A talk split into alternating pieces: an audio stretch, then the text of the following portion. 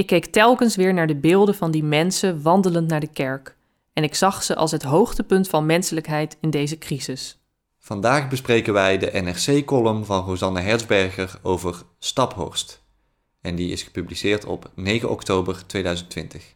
Naast mij bevindt zich een soort van Petra de Graaf.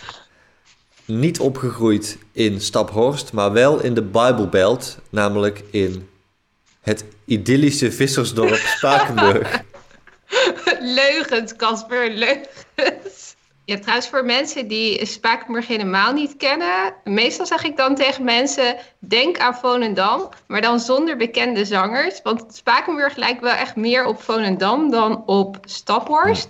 Uh, er zijn wel ook overeenkomsten met Staphorst zelf, want uh, in Spakenburg en in Staphorst dragen ze allebei klededracht. Nou ja, niet op dagelijkse basis, maar oudere vrouwen dragen het in beide plekken wel. En als er op de Spakenburgse dagen klederdrachtshows uh, zijn, dan is Staphorst altijd aanwezig. Er is allebei heel erg veel uh, religie. Mm -hmm. um, maar uh, over de verschillen. Ik heb ter voorbereiding hierop de gemeenteraden van Staphorst en Spakenburg naast elkaar gelegd. Ze lijken best wel op elkaar. Het overgrote merendeel is SGP, ChristenUnie, CDA. Maar er is wel een verschil. Bij Staphorst is het meer SGP en bij uh, Spakenburg is het meer ChristenUnie. Verder, en dat pleit wel voor Spakenburg. Spakenburg heeft een heel hoge vaccinatiegraad. Hmm. Wat redelijk ongebruikelijk is voor een plek in de Bijbelbelt. En verder qua verschillen op het gebied van corona. Uh, zeg maar, we hebben op een gegeven moment die discussie gehad over kerken die open blijven of niet. Dat ging om 4 oktober. Toen had je die heel grote kerk in Staphorst, waar normaal gesproken 2500 man in kan en waar nu 600 man in kon. Volgens mij hebben we in Spakenburg geen kerken die zo groot zijn. Maar de diensten die er wel waren in de iets wat kleinere kerken gingen toen wel op de capaciteit door die toen mocht met anderhalve meter. Dus dat zal iets minder man zijn, maar misschien ook wel iets van 300. Um, overigens, dat Spakenburg niet zo'n grote kerk heeft, uh, meer kleine kerken dus. Uh, wil niet zeggen dat ze het beter doen qua corona, want Spakenburg is de tweede coronabrandhaard van Nederland. En Spakenburg, zeg maar, in het kader van religie, het is niet echt een zwarte kousenplek. Dus mensen gaan wel naar de kerk, maar ze gaan niet naar de kerk in zwarte kleding. Dus dit klinkt alsof binnen de Bijbelbelt context Spakenburg ietsje vrijzinniger is wel dan Staphorst. Rosanne Hersberger is iemand die ik in het algemeen best hoog heb zitten. Als microbioloog en als ja, stem in het publieke debat. Uh, ik wist al wel door haar zomergasteninterview dat ze religieus is. Maar dat, je, je noemt jezelf Joods, dus dan moet, ik ben benieuwd naar hoe je dat gelooft en beleidt. Ja. Ja, none of your business. Nee. nee, ja, ik vind dat een hele intieme vraag. Ze wilden er niet over praten bij zomergasten, want ze wilden alles in deze column ja. stoppen. Ik denk dat dat, uh, dat, dat haar. Nou ja, ook in was. deze column speelt ze geen open kaart wat betreft haar eigen overtuigingen. Maar ik denk wel dat uit deze column nogmaals blijkt hoe diep dit bij haar zit. Staphorst is jaloersmakend. In tijden van corona lijkt Nederland wel een kleuterklas. Waarom mogen Hully wel met z'n allen in een vliegtuig, maar wij niet in het theater? Waarom wel naar de kroeg, maar niet langs de lijn bij de kinderhockey? En deze week, waarom mogen er in Staphorst 600 mensen in een kerk en mogen we niet met z'n twintigen bier drinken?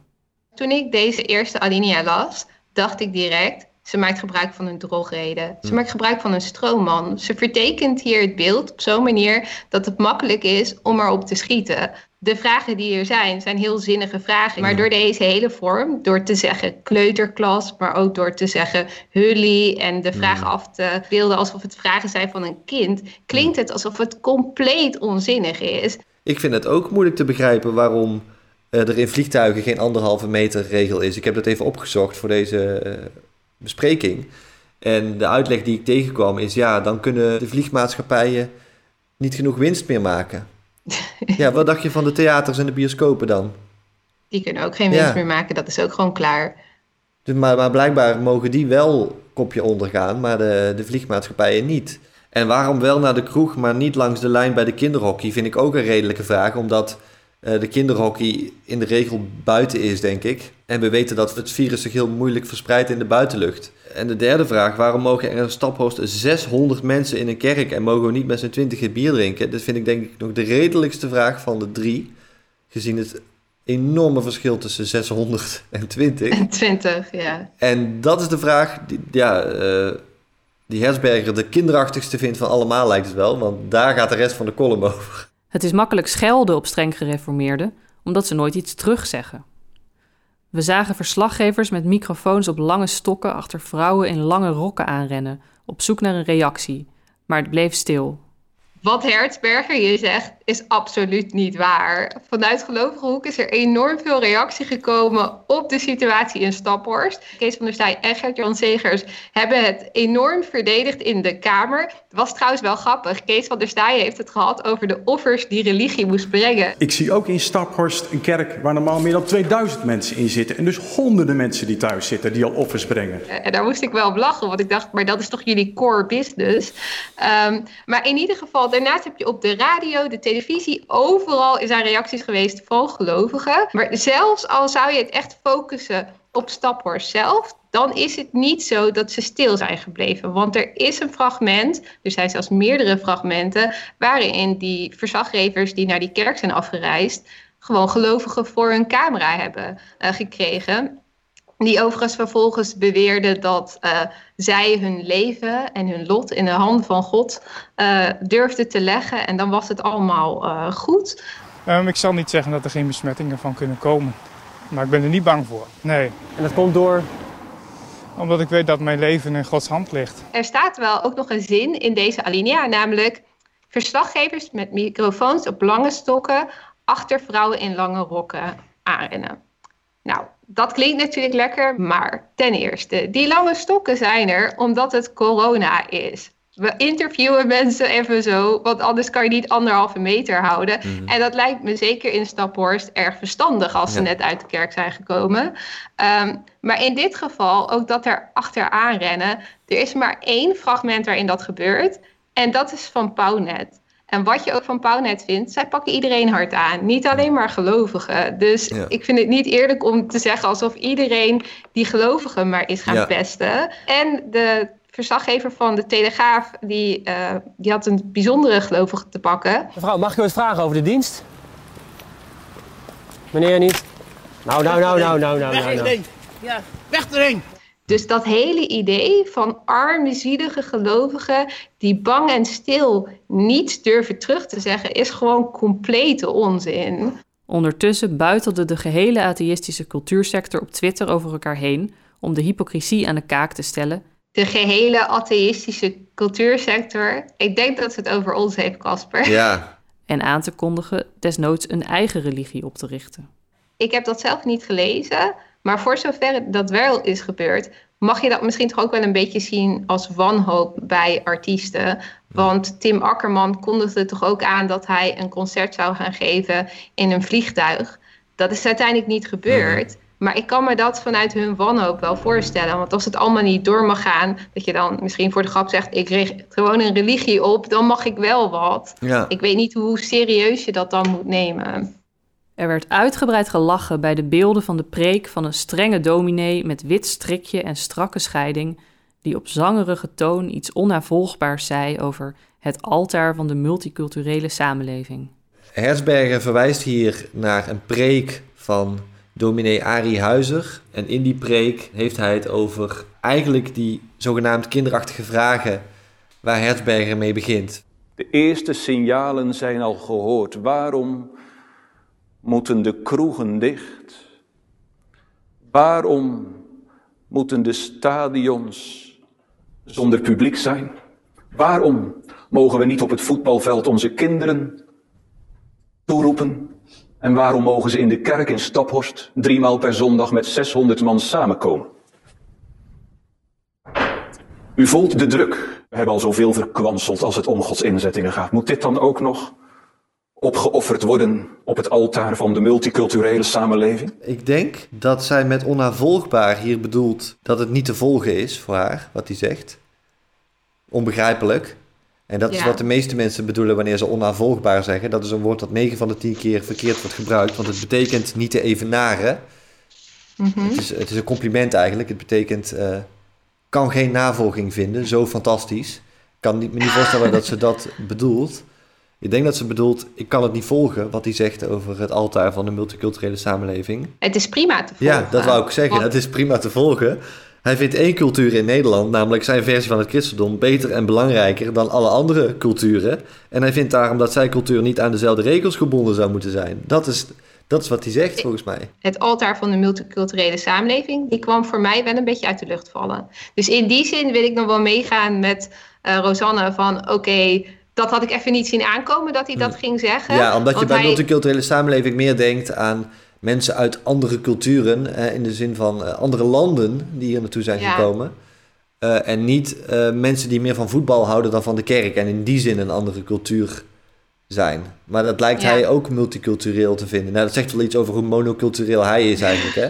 Hij zegt, je moet nooit toegeeflijk zijn als het gaat om de zaken des heren. Nooit toegefelijk zijn als het om de inzettingen des Heren gaat. En ik keek dat en ik dacht, tenzij je dictator wil worden, is dat geen gezonde levensinstelling. En ik wil het ook even hebben over dat uitlachen. Ik heb best wel veel eh, forums, eh, Twitter-profielen bekeken in mijn zoektocht hiervoor. En er is eigenlijk maar één website waar ik mensen echt hard om deze dominee heb zien lachen. En dat was Geen Stijl. Ja. En de slogan van de website van Geen Stijl eindigt serieus op nodeloos kwetsend. Dat is niet een site die je verder moet aanhouden voor hoe iedereen het heeft benaderd. Dus en dat uitlachen vind ik eigenlijk weer verder voortborduren op wat zij ook eerder zegt. Dus ze zegt, Nederlands is een kleuterklas. Eigenlijk zijn wij, de gemene atheïstische cultuursector, zijn die arme stille gelovigen aan het pesten. En dat ze dan ook nog worden uitgelachen is eigenlijk het laatste stukje in dat narratief waarin wij gewoon pesters zijn. Ik wil daar toch even wat water bij de wijn doen om me maar even religieus te houden. Eh, want gelovigen kunnen ook gewoon best wel pittig zijn. Ik had een, een plaatje gezien op mijn tijdlijn en daarop stond: No color, no religion, no nationality should come between us. We are all children of God. En dit zou dan een citaat zijn van moeder Teresa. En iemand uit eh, nou ja, mijn netwerk, zal ik zo maar zo zeggen, die heel religieus is, die reageerde in zijn beste Engels daarop met de volgende uitspraak. We are all created in God's image, but only those who believe in our Lord Jesus Christ and his saving merit are his children. Those who do not believe this are bound to Satan and their eternal damnation. nou, Ja. als je niet gelooft, ga je naar de hel, zal je voor eeuwig branden. En leidt je eigenlijk een zinledig en slecht bestaan. Ja, En dat heb ik nog geen atheïst ze horen zeggen over Huizer. Dat zijn bestaan geen zin heeft en dat hij... en dat is al branden in de hel. Dat is al branden bedoel, in de hel. we- Wat daar dan ook de atheïstische equivalent van is, van branden in de hel. Maar in ieder geval, Ik weet wat atheïstische equivalent. Je zal branden in de snijtafel. Ik wil daarmee wel zeggen dat hele beeld van atheïstische cultuursector. Dat zijn gemene pestkoppen en gelovigen die zijn bang en stil en hartstikke lief. Dat vind ik niet in lijn hiermee. Het tweede deel van zijn preek, waarin hij zijn gemeente de RIVM-regels nog eens uitlegde, was je handen stuk, blijf thuis bij symptomen, ging in het online gejoel verloren. het was inderdaad nog erger geweest als hij had gezegd: hou je niet aan de RIVM-regels. Maar ja, het maakt niet zijn eerdere uitspraken ongedaan. De redenen dat je wel met z'n allen naar de kerk mag en niet naar de kroeg zijn deels praktisch. In de kerk staan ze niet in elkaars oor te tetteren, Nee, maar wel met z'n allen te zingen. Zijn ze veelal nuchter en over het algemeen weinig aanrakerig. Nou, als je zou kijken naar een kerkdienst buiten corona, dan vind ik niet dat de kerk per se een plek is waar mensen elkaar weinig aanraken. Want je hebt natuurlijk de collecte. Ik weet niet of mensen dat weten, maar je hebt een collectezak, die geef je door. Bij mij in de kerk, in ieder geval in Spakenburg, is het ook gebruikelijk om rollen met snoep door te geven. En dan aan je rij. En dan krijg je heel veel snoepjes. Dit was altijd hetgene waar ik het meest naar uitkeek eh, in de kerk. Verder kunnen de protestant-christelijke de rest van Nederland nog heel wat leren over wettisch met omgangsregels omspringen. Nou, dat geeft denk ik het idee, gelovigen die zijn al gewend aan regels en die Ja. kunnen zich daar heel goed aan houden. Ten eerste, die regels, daar is super veel discussie over. In Spakenburg zijn echt gigantisch veel kerken. Um, die zijn het trouwens soms best wel vaak niet met elkaar eens. Het was zelfs uh, in de tijd dat mijn oma daar in het bejaardentehuis uh, zat, was het zo dat de verschillende kerken verschillende kerstvieringen daar deden. Dat mocht niet bij elkaar. Mm. Sterker nog, mijn oude kerk heeft inmiddels een afsplitsing die zichzelf hersteld bunschoon noemt. En hersteld impliceert natuurlijk al direct, hier doen we het wel goed. Is een mm. heel grote om geweest. Leuk verhaal voor een andere keer mm. trouwens. Uh, maar in ieder geval, dat laat wel zien. Over de regels zijn ze het vaak al niet eens. En dan komt dan nu ook nog het onderdeel wetties met regels omspringen. Nou, good luck with that. Want er zijn genoeg regels waar ze het natuurlijk wel over eens zijn. Hè? Niet scheiden, niet mm. vreemd gaan, geen drugs gebruiken. Nou, geen drugs gebruiken. Spakenburg, maar ook een Volendam staan bekend om hun drugsproblematiek. En Urk toch ook? Ja, Urk volgens mij ook. Zelfs de regels die ze dus heel duidelijk allemaal wel hebben, daar kunnen ze zich niet aan houden. Als het gaat over omgangsregels wil ik toch ook wel even zeggen... Uh, wat dacht je van omgangsregels over uh, het niet verkrachten van kinderen bijvoorbeeld. Nee, je ziet ook van die sites van kerken. Ik heb daar ook op gezeten, ook ja, ter voorbereiding. En dan zie je soms qua kopjes ook. Dan is het kerkraad, gemeenteleden, kerkblad, contact, seksueel misbruik. Ja, ja. Dat is het vijfde kopje. Als dat zo prominent op de site staat, dan gaat er iets niet goed met de omgangsregels. Kerkdiensten zijn niet of nauwelijks betrokken bij besmettingen.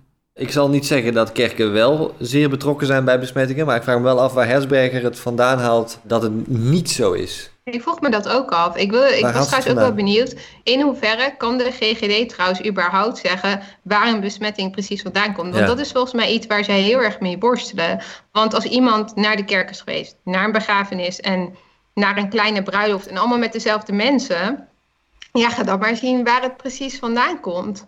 Ja, en over die, die kerkdiensten van 600 man. In hoeverre hebben die trouwens de kans gehad om bij besmettingen betrokken te zijn? Want kerken zijn in de eerste golf wel best wel lang dicht geweest. Hmm. Toen zijn ze wel een tijdje dus opengegaan op die anderhalve meter. Maar niet zo heel erg lang. Hmm. Ehm, want toen kwam de tweede golf al en kwam alle opheffen rond deze kerkdiensten. En toen is direct gezegd, we gaan terug naar 30. Hmm. Dus het had best gekund dat in die kerken wel heel veel mensen besmet hadden kunnen raken. Maar dat hebben we dan gewoon niet getest. Wat me trouwens heel redelijk lijkt. Hier volgt een kleine update van The Ghost of Christmas Yet to Come. In dit overzicht van 20 december is te zien dat de gemeente Staphorst inmiddels de 15e coronabrandhaard van Nederland is geworden. Hoewel uit de cijfers natuurlijk niet blijkt hoeveel verspreiding er plaats heeft gevonden tijdens kerkdiensten, kun je je wel sterk afvragen hoe wettisch de Staphorstenaren met de RIVM-regels zijn omgesprongen. Overigens staat de gemeente Bunschoten, waar Spakenburg onder valt, intussen op nummer 1. Terug naar de kolom. Maar de werkelijke reden van de uitzondering voor geloofsgemeenschappen is gewoon grondwettelijk. In de grondwet hebben we extra vrijheden ingebouwd voor minderheden die iets anders geloven en op een andere manier hun leven willen leiden. Ik denk dat Hersberger hier verwijst naar artikel 6 van de grondwet en ik pak hem er even bij. Eh, lid 1 zegt: Ieder heeft het recht zijn godsdienst of levensovertuiging individueel of in gemeenschap met anderen vrij te beleiden, behoudens ieders verantwoordelijkheid volgens de wet. En dan zegt lid 2, de wet kan ter zake van de uitoefening van dit recht buiten gebouwen en besloten plaatsen regels stellen ter bescherming van de gezondheid, in het belang van het verkeer en ter bestrijding of voorkoming van wanordelijkheden. En dit wordt vaak uitgelegd, en ik vermoed dat Herzberger het ook zo uitlegt. De overheid kan zich niet bemoeien met wat er in kerken en tijdens kerkdiensten gebeurt, want dat is binnen gebouwen en op besloten plaatsen. De overheid kan zich alleen bemoeien met wat er buiten gebouwen en besloten plaatsen gebeurt. En het is dus ook eh, logisch en juridisch gezien de, de enige optie eigenlijk dat Rutte alleen maar een advies geeft aan kerken om zich tijdens de dienst hier of hier aan te houden. Want hij kan dat niet opleggen. Ik heb een proefschrift doorgekeken. Ik moet zeggen dat ik het niet helemaal heb gelezen, want het is meer dan 400 pagina's. Maar uh, het stukje dat gaat over mogelijke inperkingen van artikel 6 heb ik gelezen. En daar maak ik uit op dat het uiteinde van lid 1, behoudens ieders verantwoordelijkheid volgens de wet, ruimte laat voor een formele wet in ieder geval. Een formele wet in de zin dat die door de regering en door de Staten-Generaal heen zal moeten. Die coronamaatregelen daadwerkelijk oplegt aan kerken, aan kerkdiensten. Ik vind trouwens sowieso, als we het hebben over de kerk en de staat bij elkaar. Mm. Uh, we hebben natuurlijk een scheiding gekregen van kerk en staat. Maar ik heb een beetje het gevoel dat de huidige situatie heel erg in het voordeel is van de kerk. En heel erg in het nadeel is van de staat. Ja. Want als je gaat kijken uh, hoe kerken het allemaal nog kunnen doen, of religie dan, als ik hem wat breder trek. Um, de scholen die we nu hebben, mensen hebben dus recht op uh, vrijheid van onderwijs en mogen dan dus uh, gesubsidieerd door de overheid scholen oprichten waarin ze hun kinderen precies vertellen uh, wat zij willen dat ze horen. Ik leerde door de week psalmen en liedjes die ik dan in de kerk zou moeten zingen. Mm-hmm. en de knutselwerkjes die ik knutselde. Uh, ja, we hebben ooit eens een, een werkje moeten knutselen uh, waarmee we van ijsstokjes kruisen maakten. dat hing dan tijdens de kerstviering naast het kerkorgel en Mm. na, langs de preekstoel. Ja. ja, ik heb dan toch het gevoel is die scheiding van kerk en staat er op dat gebied überhaupt? Ja, ik heb het gevoel eigenlijk nauwelijks. Terwijl wanneer de staat zich dan met de kerk wil bemoeien, wat eigenlijk niet zo heel erg vaak is, dan is het gelijk, nee, nee, nee, nee, nee dat mag niet, de grondwet. Maar Ja. die hele scheiding van kerk en staat, wanneer is het dan ooit in het voordeel van de staat? Ja, in de praktijk is het in ieder geval zo dat we het heel normaal vinden dat godsdienstige mensen proberen hun godsdienst om te zetten in wetgeving. Dat ze hun kinderen indoctrineren op school van belastinggeld. Als onderdeel van de eh, vrijheid van onderwijs. Ehm, dat vinden we allemaal heel normaal. Maar dat de overheid dan in een kerk gaat zeggen: jongens, anderhalve meter, maximaal 30 mensen. Dat is dan een schending van de scheiding van kerk en staat. Minderheden die iets anders geloven dan anderen hebben natuurlijk ook grondrechten. En daar ben ik gewoon blij mee dat ze die hebben. Maar waarom moeten ze extra grondrechten hebben? Want je zou kunnen zeggen, die vrijheid eh, die zij nodig hebben om te doen wat ze doen, daar wordt al gewoon in voorzien door de vrijheid van meningsuiting en de vrijheid van vereniging. Waarom hebben ze Ja. nog die extra godsdienstvrijheid nodig? En dat is gewoon... ze zijn eh, gewoon privileges gewend, Casper. Ja. Ze willen gewoon per definitie meer. Zij gaan dan naar de hemel. Ze zijn gewoon die voorkeursbehandeling, zijn ze gewend. Sowieso, Eh. ik snap trouwens niet waarom extra vrijheid nodig is voor, voor re- religieuze mensen. Want dit is misschien een beetje flauw om te zeggen, maar hebben zij zoveel met vrijheid dan? Daar heb ik ze Ja. nooit kunnen betrappen. Tolerantie noemen we het ook wel. De gewoonte is om tolerantie op te eisen voor je eigen identitaire kwesties, maar als de ander erom vraagt, hem in zijn gezicht uit te lachen. Ik vind dat ze hier heel cynisch is over onze samenleving. Want als je kijkt naar wat er de afgelopen jaren allemaal veranderd is. Ik bedoel, dit jaar waren er heel grote demonstraties voor Black Lives Matter. Er is nu gezegd van oké, Zwarte Piet, we gaan het gewoon niet meer doen. Ik vind dat je daarin wel kan zien van oké, hey, er is wel echt iets aan het veranderen. Er is iets aan het draaien. De meerderheid van de mensen is niet homoseksueel. Toch vinden we het met z'n allen prima dat zij trouwen. Eh, in Nederland Ja. kunnen, we, kunnen ze gewoon ad- adopteren. Dat wil niet zeggen dat ze geen discriminatie eh, meer meemaken. Hè? Maar ik geloof toch zeker in een zekere mate van vooruitgang... die hier eigenlijk uitgesloten lijkt te worden. En ik vind het ook nog ironisch dat ze dit zegt, want de man die zij verdedigt, die belichaamt dit juist, dat gebrek aan tolerantie. Dit zie je in mijn beleving meer bij christelijke mensen. Eh, want er zijn natuurlijk weigerambtenaren die weigeren Ja. om eh, homoseksuele stellen in de echt te verbinden.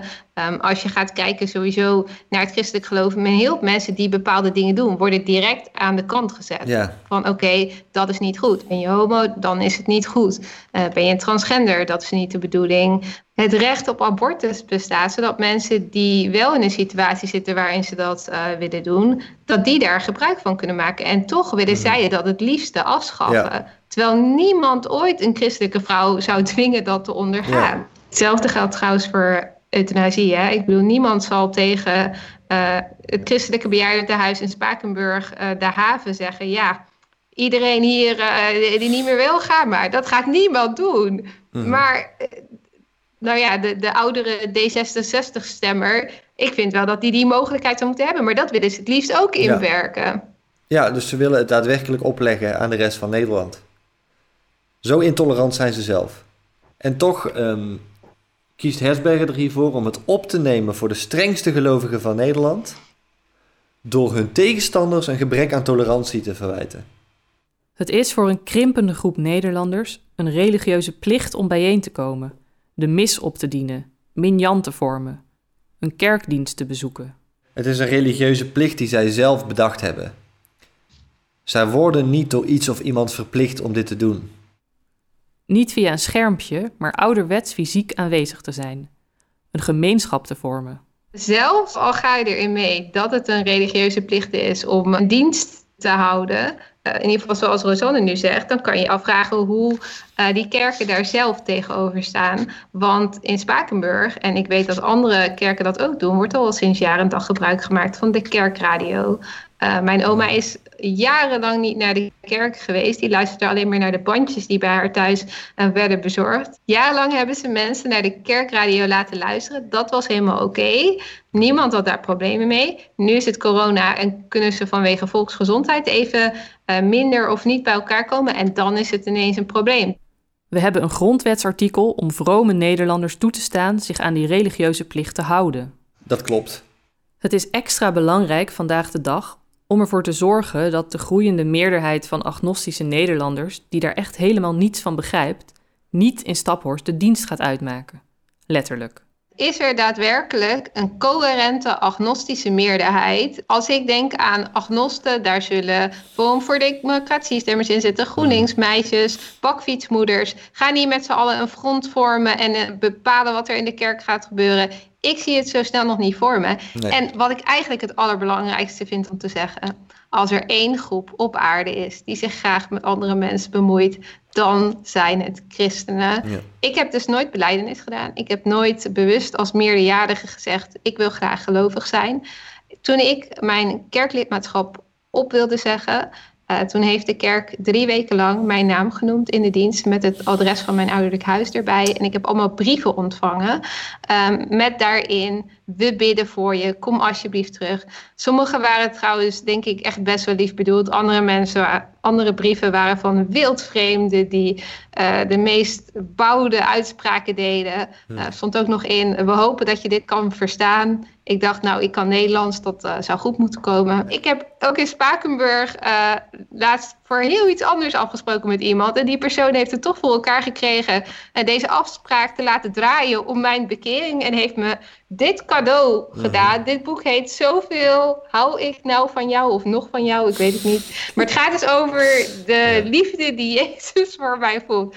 Echt, ik zweer het, wij hebben echt helemaal niet om religieuze redenen afgesproken. En toch uh, kreeg ik dit boek uh, in mijn schoot geworpen. Nou zou je nog kunnen denken, ja, maar ik was ooit één van hen. Misschien dat ze zich daarom zo erg op mij focussen. Maar vroeger in de kerk, uh, er werd bij ons heel vaak gecollecteerd voor de zending. Dus dat hield in dat ze gewoon mensen naar landen in Afrika stuurden om daar mensen te gaan bekeren. Ja. Uh, en daarnaast vinden ze ons stedelijke zo afvallig en heidend dat ze nu zelfs mensen naar Amsterdam of Utrecht sturen. Dus ja. het hele idee van agnosten die de dienst gaan uitmaken bij ja. christenen, dat vind ik echt de omgekeerde wereld. Ja. Als er mensen zijn die graag de dienst ergens willen uitmaken, dan zijn het toch wel de religieuzen. Ja, ik, ik stelde me net voor toen jij dat omslag liet zien, dat iemand die nog nooit van het christendom gehoord heeft, een boekomslag ziet met de titel Zoveel hou ik nou van jou en daarnaast de afbeelding van een doodgemartelde man aan een kruis. deze groep, deze gelovigen, zijn nu een minderheid. Maar het is echt nog niet zo lang geleden dat die religieuze ideeën die zij aanhangen op straf van werden toegepast in heel Nederland. Ik vind het uh, heel misleidend om het feit dat deze groep inmiddels een minderheid is, die inmiddels niet veel meer voor elkaar krijgt dan zichzelf in stand houden. Hoewel ze ook nog steeds pogingen doen om jou en mij dingen op te dringen. Maar oké. Okay. Om dan nu het hele verhaal om te draaien en te doen alsof zij de bedreigde minderheid zijn die niks terug durft te zeggen en die, och, och, och, waar we zo mee uit moeten kijken dat ze niet onderdrukt worden. Ik ben altijd bang voor de opkomst van religie. Mm, ja, ik ook. Ja, ik ben ook vaak degene die probeert duidelijk te maken dat die strijd niet gestreden is. Dat er nog steeds volop religieuze mensen zijn. Niet alleen christenen, maar ook andere religies. Ja. Maar wel met name christendom en islam. Uh, die nog steeds echt van zin zijn om hun religie op te leggen aan mensen die daar geen zin in hebben. Ook bijvoorbeeld die Marsen van het Leven. Dat was ooit was dat nog een beetje een niche ding, maar daar gaan steeds meer mensen aan meedoen. Ik bedoel, ik las deze week nog in de krant dat volgens mij de ChristenUnie zei: ja, wij gaan niet meer zo makkelijk uh, in een nieuw kabinet hoor. Uh, staatsonderwijs zonder religie, absoluut niet. Abortus, euthanasie, gaan we niet over onderhandelen. Ik las ook dat naar abortus toe, dat uh, jonge mensen daar steeds negatiever tegenover gaan staan. Uh, ja. Ik weet niet waar dat precies door komt, maar ik vind dat uh, best wel uh, zorgwekkend. Ik denk ja. dat die strijd voor eeuwig door blijft gaan. Ik ben toch altijd ook een beetje van Habermas, die zegt: Weet je, als je ergens tegen verzet, moet je dat altijd blijven doen. Verzet is voor eeuwig. Je kan ja. niet zeggen: Oké, okay, nou is de strijd gestreden, nou is het klaar. Want zij, gaan, zij blijven ook doorgaan. Zij blijven hun marsen lopen, hun, hun protestborden met uh, erop langs de weg zetten. Uh, en, en, dat heeft wel effect op mensen. Dus ja. dat verzet moet je ook blijven doen. Ook al is dat misschien niet altijd leuk. En ja, ideologische, politieke en religieuze gronden zijn belangrijker en diepgaander, essentiëler voor het leven, dan de behoefte een concert te bezoeken of bier te drinken. Er zijn best wel wat mensen die bijvoorbeeld naar theater gaan, naar concerten, naar cafés, met als idee betekenisgeving. Ja. Eigenlijk voor dezelfde redenen ja. waarom mensen naar de kerk gaan. Uh, ik zoek dat ook wat actief op. Um, ja, want ik heb anders heb ik gewoon tekort aan betekenisgeving. Want als je je hele leven lang vier keer naar de kerk ging in een week en dan mm. ineens niks, dan moet je wel iets doen om dat mm. op te vullen. Uh, maar ik vind het best wel schokkend eigenlijk dat een kerk krijgt gelijk al die status toegekend. Terwijl wanneer mensen naar een concert gaan om zich verbonden te voelen met andere mensen of een bijzondere ja. ervaring op te doen, dan telt het dus niet. Dat is geen echte betekenisgeving. Ja. Terwijl ik heb echt wel concerten gehad die ik betekenisvoller vond dan kerkdiensten. Mm.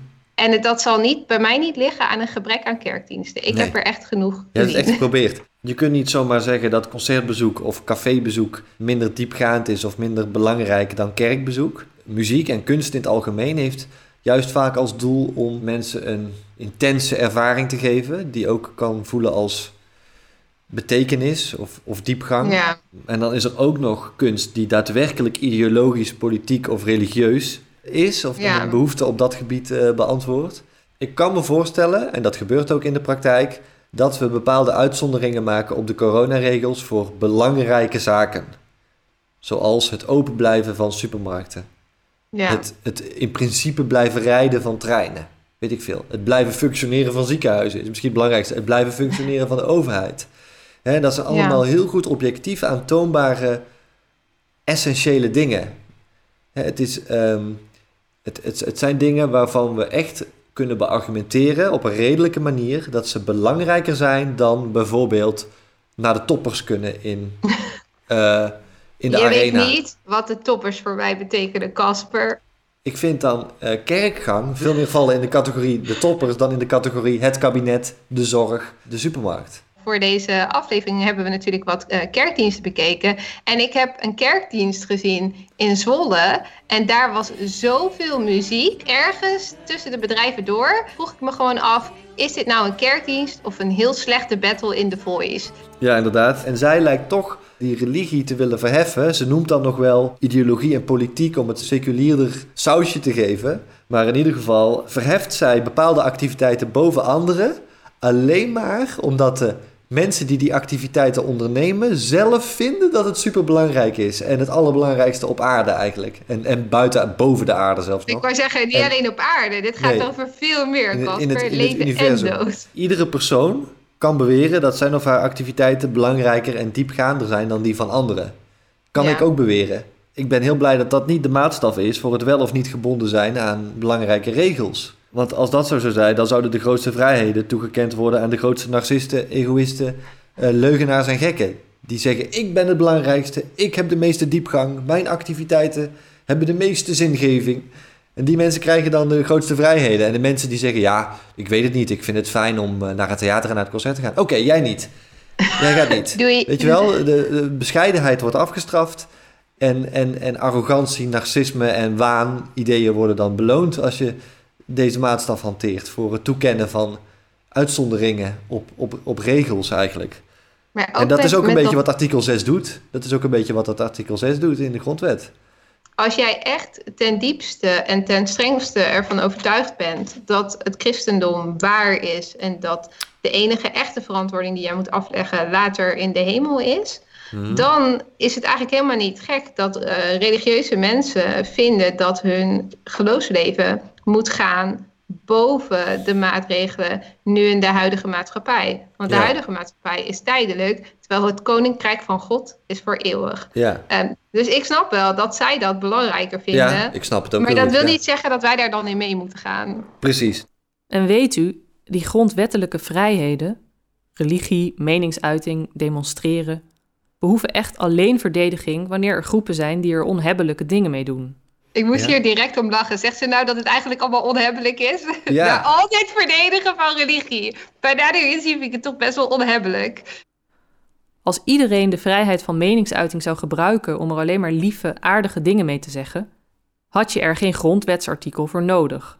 Ik ben dat eigenlijk gewoon met haar eens. Ja. Alleen wat ik zo vervelend vind, is dat dit helemaal niet aansluit bij wat ze tot nog toe heeft gezegd. Ja, inderdaad. Het lijkt wel een beetje alsof ze hier zichzelf ook de les leest. Van, hé, hey, hier is de vrijheid van meningsuiting voor bedoeld, hè? Voor die kleuterklas, eh zal ik maar zeggen.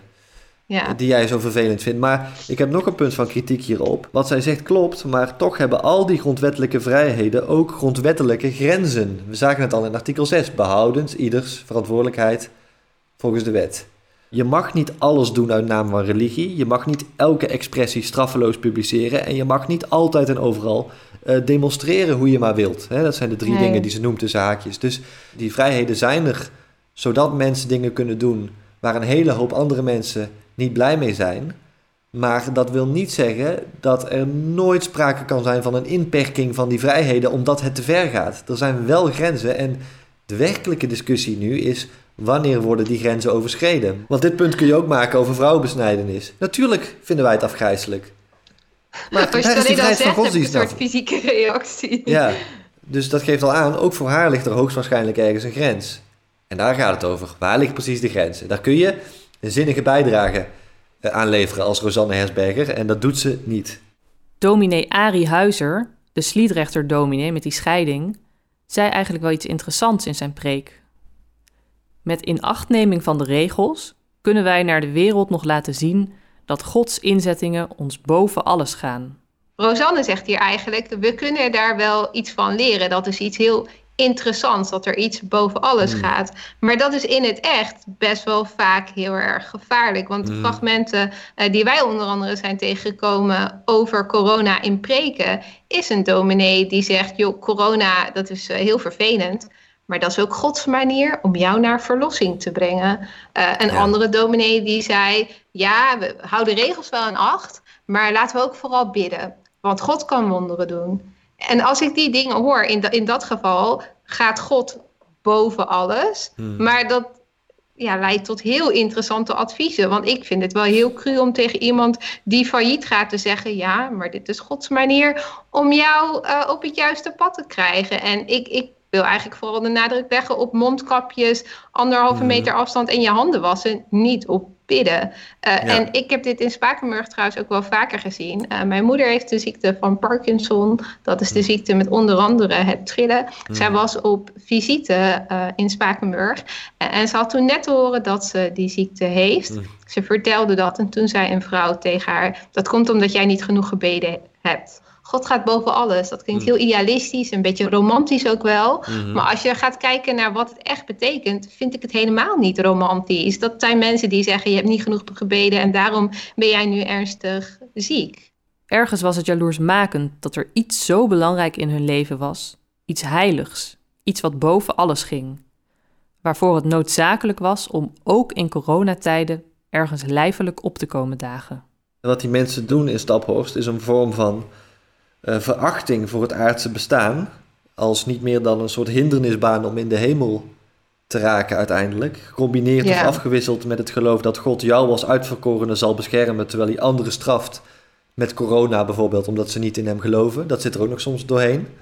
Ja, Het is eigenlijk die- strijd met elkaar, maar, eh, maar dat, dat, dat, dat hoor je allebei. Een vorm van onpeilbaar nihilisme en een vorm van onbevattelijke arrogantie. Die beide gebaseerd zijn op valse beloften van ja, bedriegers, geesteszieken en fantasten uit de oudheid.